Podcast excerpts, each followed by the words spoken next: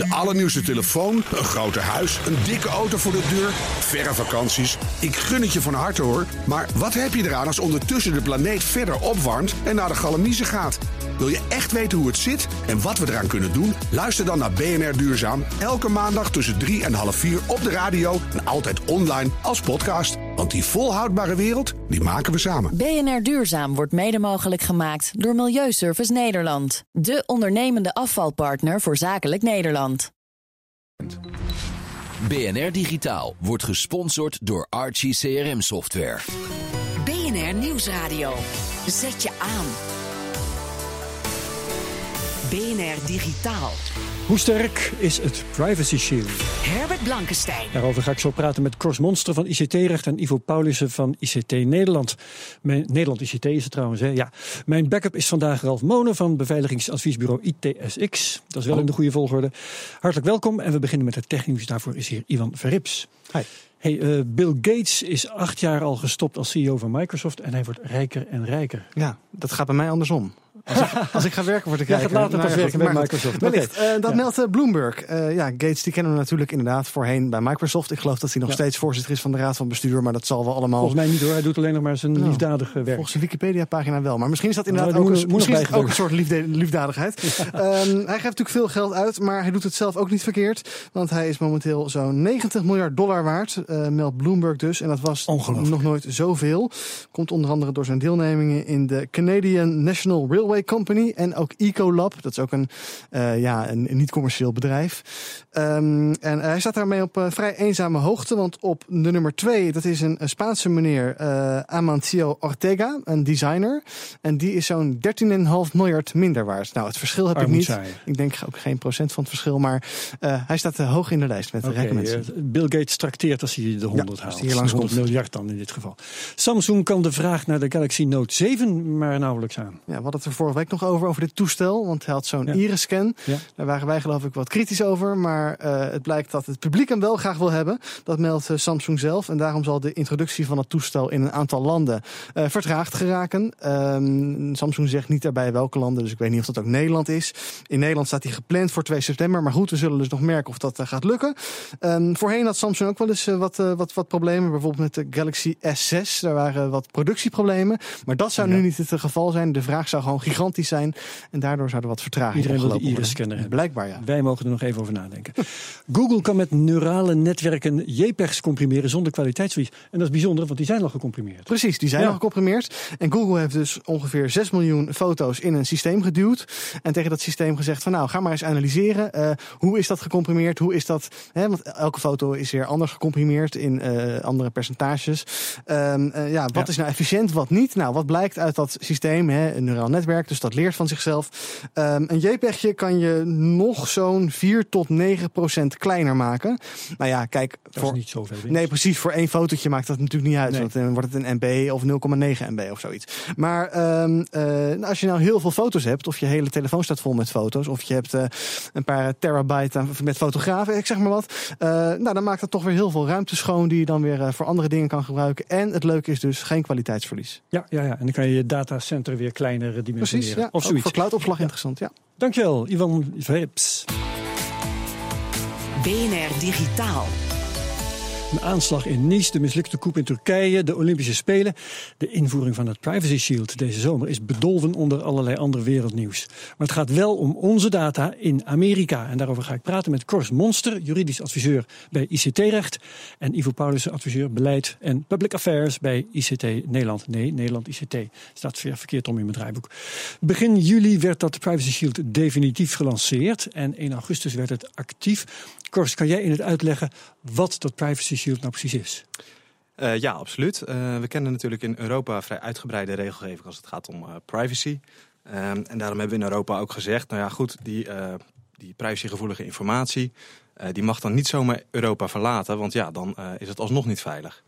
Eh, Amerika is zo'n land waar eh, ja, heel veel minder wetgeving is op het gebied van privacy. En daarom Ja. moet je dus als bedrijf, wanneer je die eh, privacygevoelige informatie naar Amerika wil brengen, zal je dus wat aanvullende maatregelen moeten treffen. En het Privacy Shield is daar een, ja, een, een, een voorbeeld van. Eh, dat Privacy Shield moet namelijk ervoor zorgen dat de bedrijven in Amerika zich eigenlijk houden aan regels die vergelijkbaar zijn met de regels in Europa. En ehm, ja, zonder die eh, regeling zou je dus eh, veel minder veiligheid hebben voor je eigen informatie. Ja. We hadden Safe Harbor, nu hebben we Privacy Shield. Safe Harbor was afgekeurd door een rechter. Ehm, wat staat er nou in dat Privacy Shield dat niet in Safe Harbor stond? Wat is er nu nieuw? Um, nou, in heel veel lijnen is het uh, vergelijkbaar met het uh, Safe Harbor. Het is alleen net wat verder uitgewerkt. Uh, een van de grote kritiekpunten van de Europese rechter was bijvoorbeeld, hè, naar aanleiding van de onthullingen van Edward Snowden, het datagraaien door de, door de instanties in Amerika. En dat zou nu iets minder moeten zijn. Daarvoor zijn namelijk wat regels en wat afspraken gemaakt met Amerika. Maar goed, die regels zijn wel weer zo ruim vormgegeven dat het de vraag is of dat ook echt wat gaat veranderen.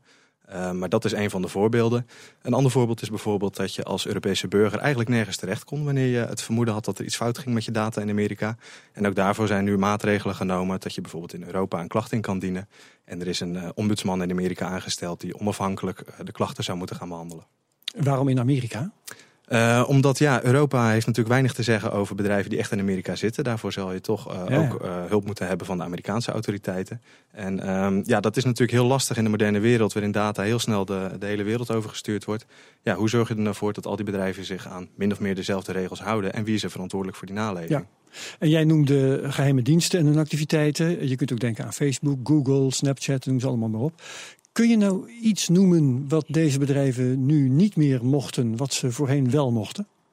Um, nou ja, wat ik al zei, eigenlijk dat hele stelsel van Europese regels, dat kennen we niet zo in Amerika. We hebben in uh, Nederland bijvoorbeeld het uh, principe, of in, in Europa het principe dat je gegevens alleen maar mag gebruiken voor de doeleinden waarvoor je ze ook hebt verkregen. Ja. Dus stelt dat ik bij Facebook zit en ik vul er een profiel in, ja, dan mag Facebook dat in principe niet zomaar voor andere dingen gaan gebruiken. In Amerika zou dat een stuk makkelijker zijn dan hier. Uh, en nu via die certificeringsmechanisme via het Privacy Shield uh, spreekt Facebook eigenlijk af van joh, ik zal beloven dat ik dat ook echt niet ga doen, dat ik me eigenlijk aan de Europese regels hou, ondanks dat ja, dat geen wetgeving is in Amerika. Ja, ja, ja. En heb jij er vertrouwen in dat ze dat ook gaan doen? Uh, ik heb er, controleer het maar eens. Hè? Nou, dat is het punt. Uh, de controle is natuurlijk lastig. Dat zagen we ook onder Safe Harbor.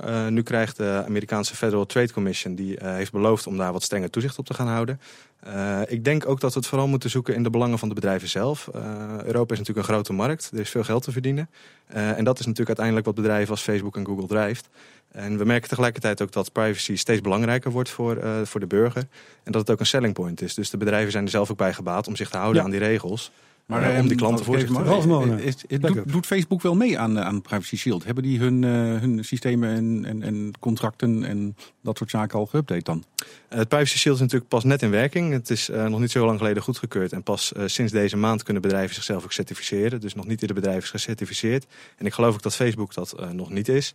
aan de andere kant hebben we wel vergelijkbare mechanismen die al in werking waren voordat het Privacy Shield er was. Bijvoorbeeld modelcontractbepalingen en dergelijke. Uh, binding corporate rules kunnen we aan denken. En dat geldt vooral voor de multinationals, wat Facebook natuurlijk ook is, want die hebben ook vestigingen in Europa. Uh, en via de vestigingen in Europa waren ze ook al gebonden aan de Europese wetgeving. Uh, dus in die zin kun je wel zeggen dat ze zich in ieder geval in grote lijnen wel aan die regels zullen houden. We hebben hier Ivo Paulussen van Nederland ICT. Die steekt zijn vinger al op ja. trouwens. Ik wou je wat vragen, maar zeg eerst nog wat je. Ja, ik wou er nog een, een klein dingetje op aanvullen. Ja. Um, je kan namelijk gewoon op de website van Privacy Shield, privacyshield.gov uh, kijken wat de actuele lijst is van bedrijven die zich gecommitteerd hebben aan dat shield. Dus dat is wat dat betreft gewoon heel erg uh, duidelijk en ja. transparant. Verwacht jij dat de Amerikaanse bedrijven zich hier ook echt eerlijk aan gaan houden? Uh, ja, dat is wel de bedoeling als je onder toezicht van een jezelf eigenlijk zelf certificeert, zoals dat dan heet. Uh, dan is het wel de bedoeling dat je je aan die regels gaat houden. Uh, ja. De regels zijn er ook niet voor niets natuurlijk. Oké. Okay. Um, degene die dit allemaal ontketend heeft is een Oostenrijkse student, Max Schrems. Uh, die heeft via het Europese Hof van Justitie heeft die inge, ingeschakeld en het Europese Hof heeft toen dat Safe Harbor verdrag verworpen. Op het nieuwe verdrag heeft Schrems ook nog kritiek. The European Court of Justice has explicitly said that kind of bulk surveillance is not allowed. Um, in Privacy Shield, it's not just that this is allowed or not prohibited. Um, the, Europe, uh, the, European Union even accepts a letter from the US where they explicitly say they do this in like whole regions of the world. Um, so that's like an issue. Hij vindt eigenlijk dat de, de massasurveillance dat dat nog slecht is geregeld. Kors Monster, reageert er eens op? Ja, klopt. Ik uh, gaf dat een beetje aan het begin ook al aan. Ja. Um, we hebben nu afspraken gemaakt vanuit Europa met uh, de Verenigde Staten um, om concrete gevallen te benoemen waarin dan wel massasurveillance is toegestaan. Maar ja, als we dan gaan kijken wat die concrete afspraken zijn, dan zijn die weer zo breed opgezet. Uh, ze mogen bijvoorbeeld wel massasurveillance toepassen als het gaat om terrorisme, als het gaat om grensoverschrijdende criminaliteit. Ja, dat zijn zulke brede begrippen um, dat je eigenlijk nog niet weet wanneer het nou precies wel en niet mag. Nee, nee, en dat okay. is wel een groot zwaktepunt. Juist ook omdat de Europese rechter dat een heel belangrijk punt vond. En dat eigenlijk een van de belangrijkste redenen was om de voorganger van Privacy Shield af te Moet schieten. misschien ook nog juridisch getoetst worden.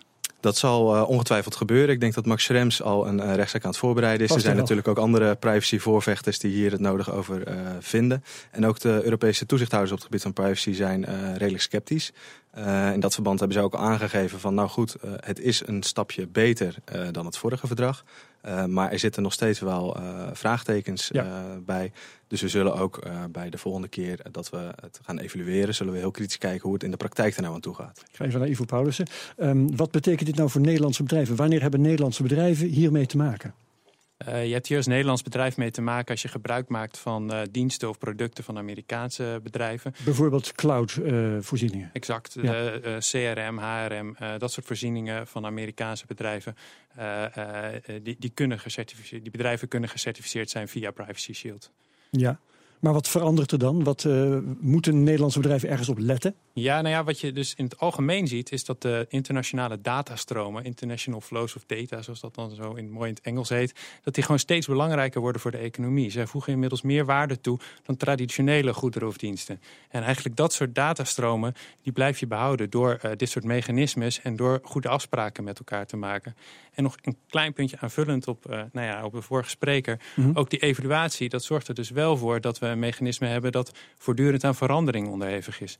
Dus dat biedt wel de mogelijkheid om de kritische uh, kanttekeningen die er uh, wellicht terecht bij worden geplaatst, ook uh, op te pakken in, voor volgend jaar bijvoorbeeld. Er is veel gezegd in het verleden, in de afgelopen jaren, zeg maar. Nederlandse bedrijven, hou nou je data in Europa. Hoeft dat niet meer?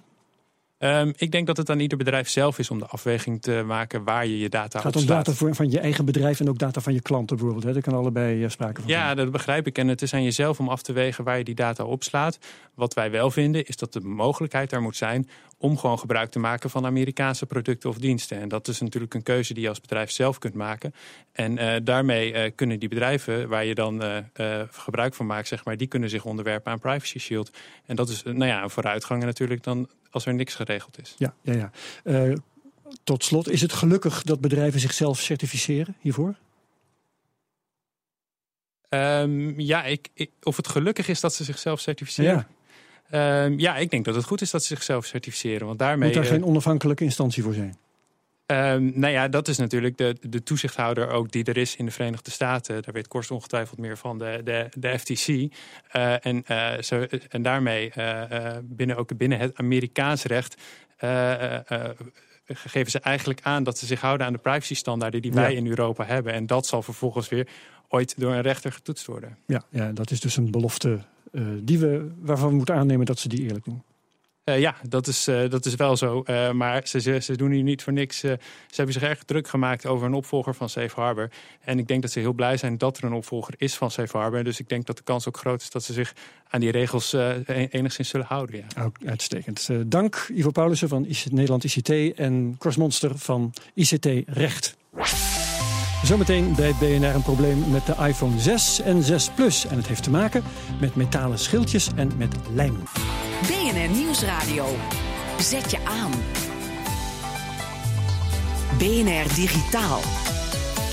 Nu de iPhone 6 en de iPhone 6 Plus een tijdje bestaan, duikt er opeens een hardnekkig probleem op, ontdekte redacteur Ivan Verrips. Er is een probleem met de iPhone 6 en 6 Plus. Bij reparatiecentrum iPad Rehab in New York komen steeds meer mensen met zo'n toestel met een knipperende grijze balk bovenaan het scherm en een niet meer werkend touchscreen. Maybe three months after the iPhone 6 Plus came out, uh, people started saying, "Hey, have you ever seen this really characteristic, you know, uh, 6 Plus with uh, at the top of the phone kind of some flashing gray bars?" And people noticed that the flashing gray bars uh, correlated with a loss of touch function. vertelt Jessa Jones van iPad Rehab. Het is een probleem dat zo af en toe opkomt en dan weer verdwijnt. Het defect zou liggen in de integrated circuit chips. As we saw more and more phones, the community saw more and more phones. We're sharing information and kind of collecting observations. The picture really began to develop over time. Het probleem treedt niet op bij eerdere iPhones en dat is onder andere te verklaren door hoe het moederbordje van de iPhone is ingepakt. Jones laat zien hoe bijvoorbeeld een iPhone 5S is ingepakt. There is a metal shield all the way down this board. And that gives the board some flexibility. And now let's compare that to the iPhone uh, 6 Plus. So this is covered with a sticker shield. So it's not a tough metal, rigid shield here. It's just a sticker. En er ontbreekt nog iets aan de iPhone 6 en 6 Plus. Wat er bijvoorbeeld nog wel was bij de iPhone 5C. The touch ICs in the, in the iPhone 5C, there's a substance called underfill that is injected as a liquid that squeezes under in between all of those solder balls. And then it's cured to sort of a rock hard kind of electronic super glue like stuff. And that really gives uh, sort of anchors and supports the Touch IC connection to the board around all the little marbles of the solder balls. Ken je trouwens het verhaal nog van de buigbare iPhone 6 Plus? Nou, volgens Jones is dit alles bij elkaar de oorzaak van dit probleem. Het probleem oplossen kan door de IC-chips te vervangen en door er zo'n metalen schild omheen te zetten. En nu de iPhone 6 ouder wordt, wordt dit probleem steeds vaker zichtbaar. Today, when the mail comes in, probably half of the phones that we're getting in every day uh, have this one problem. Of dit bij ons in Europa en in Nederland ook een probleem is, is ons niet echt duidelijk. Maar als jij er last van hebt, laat het ons dan weten op digitaal.bnr.nl. Een bijdrage van redacteur Ivan Verrips. Het originele filmpje van iFixit kan je vinden op bnr.nl/slash digitaal. BNR Nieuwsradio. BNR Digitaal. Hoe ga je op een veilige manier om met je wachtwoorden en andere persoonlijke data? Dat is een vraag die ons allemaal bezighoudt of bezig zou moeten houden, gezien de toename in ransomware, datalekken, spionage en wat niet al. We gaan het daar nu over hebben naar aanleiding van een mail van een luisteraar, Willem Hustings, en die heb ik nu even kort aan de telefoon. Goeiedag. Goeiedag. U hebt al uw gevoelige data op een USB-stick gezet, eh, begrepen wij. En u bekijkt die alleen als u offline bent. Waarom doet u dat? Nou ja, met het idee dat wanneer je online bent, uh, dat dan uh, een eventuele hack uh, zich ook eigenlijk uitbreidt tot ehm, het USB-geheugen. Dat is, dat is mijn gedachte erachter. Althans, dat zou kunnen. Ja, dat begrijp ik. En wat wilt u nu precies van ons weten of dit een goed idee is? ja, dus de, de, de vraag is eigenlijk of inderdaad alleen offline, dus na uitschakelen van het wifi-signaal, zal ik maar zeggen. Ja uh, en het raadplegen van de USB-stick onder die omstandigheden, of dat een toegevoegde waarde heeft als het gaat om databeveiliging. Ja, want het offline zetten, dat doet u door de, de, de router even uit te zetten of iets dergelijks. Ja, dat zet ik, laten we zeggen, ik werk dan met een MacBook. Uh, en dan uh, schakel ik op de PC het wifi-signaal uit. Ah, op die manier. Oké. Nou, dan weten wij genoeg om de vraag te bespreken. Ik zou zeggen, luister mee en ik hoop dat het antwoord u gaat helpen. En, en mag ik dan uh, nog één klein vraagje erbij stellen? Uh, onder andere over de beveiliging van uh, met name DigiD en wachtwoord. Als je naar de DigiD-site gaat en je raadpleegt, je, je, gaat erin naar de passwordcheck. en je gaat eruit, dan blijft naam en wachtwoord gewoon zichtbaar op de site. Uh, dus je hebt geen mogelijkheid om te zeggen, uh, uh, hou paswoord en inlognaam gegevens beschikbaar. Het is er gewoon niet. Dus als ik wegga en iemand anders gaat erin, je kan zo via mijn wachtwoord erin. Uh, ik weet niet wat zo is, maar dat gaan we de heren hier ook ja. vragen. Ja. Goed, okay. bedankt voor de vragen. Willem Hustings. Um, ga ik nu over doorpraten met C-deskundige Joran Polak, security analyst bij Certified Secure, hoofdredacteur ook van security.nl. En mijn backup Ralf Monen, die komt van ITSX.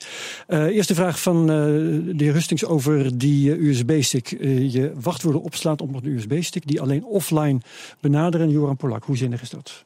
Nou, ik wil eerst zeggen dat ik het echt super vind dat deze meneer zo met security bezig is. Want dat is iets wat we eigenlijk veel te weinig zien. Ja, bewust zich afvragen hoe kan ik het het beste doen. Het beste doen inderdaad. Want eigenlijk awareness, bewustzijn, dat is gewoon echt de key de sleutel om inderdaad veilig op internet. Dat nou meer dan de helft zelfs. Ja, ja oké, goed. Wat betreft een vraag, uh, nee, helaas heeft het in dit geval niet echt veel zin. Want als je bijvoorbeeld malware op je computer hebt, ja, die kan dan gewoon je gegevens verzamelen van die USB-stick. Ja, een of andere besmetting die je hebt opgelopen toen je nog wel online was. Inderdaad. Ja. Uh, of die inderdaad via de USB-stick naar binnen komt. Dat kan ook nog. Kan zelfs ook nog, ja. En die vervolgens gewoon wacht weer tot de internetverbinding is en dan al je gegevens netjes doorstuurt.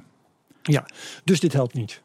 Nee, dus, dus uiteindelijk uh, is het een, een, hoop moeite, maar is het niet zeg maar de, de sleutel voor een uh, veilige omgeving. Ja, ja, want je moet elke keer die wifi weer, weer uitzetten en uh, hoop gezeik. Precies, dus je moet eigenlijk gewoon goed kijken van hey, als ik data heb die belangrijk is, hoe kan ik die dan het beste beschermen? Weet je, wat, wat zijn de dreigingen voor mijn specifieke scenario?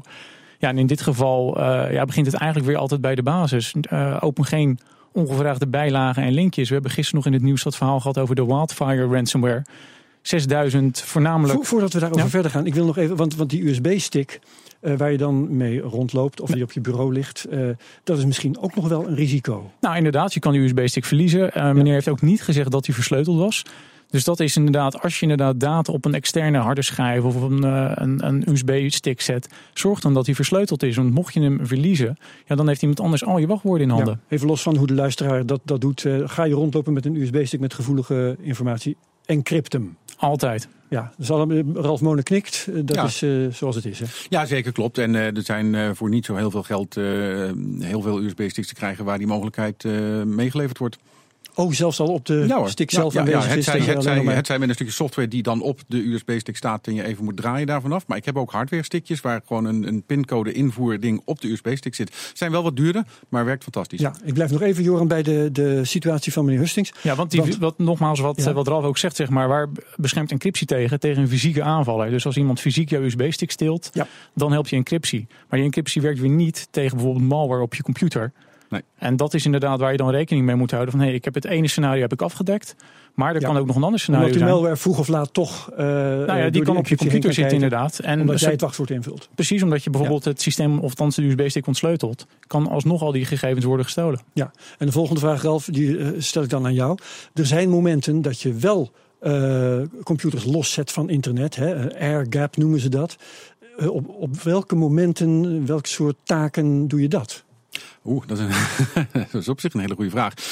Um, ik, ik zelf, maar volgens mij doet Defensie dat wel eens. Uh, ja, dat klopt inderdaad. Bij, ja. bij high security en, omgevingen. En, en waar de dus gewoon een, um, op, de, op het gebied van security, Bruce Schneier, die zegt ik doe het ook wel eens. Ja, ik, ik doe het heel zelden, moet ik eerlijk zeggen. Um, kijk, als je zoals ik toch al best wel veel uh, laagjes aan beveiliging hebt geïmplementeerd op je machines, dan is dat niet zo nodig.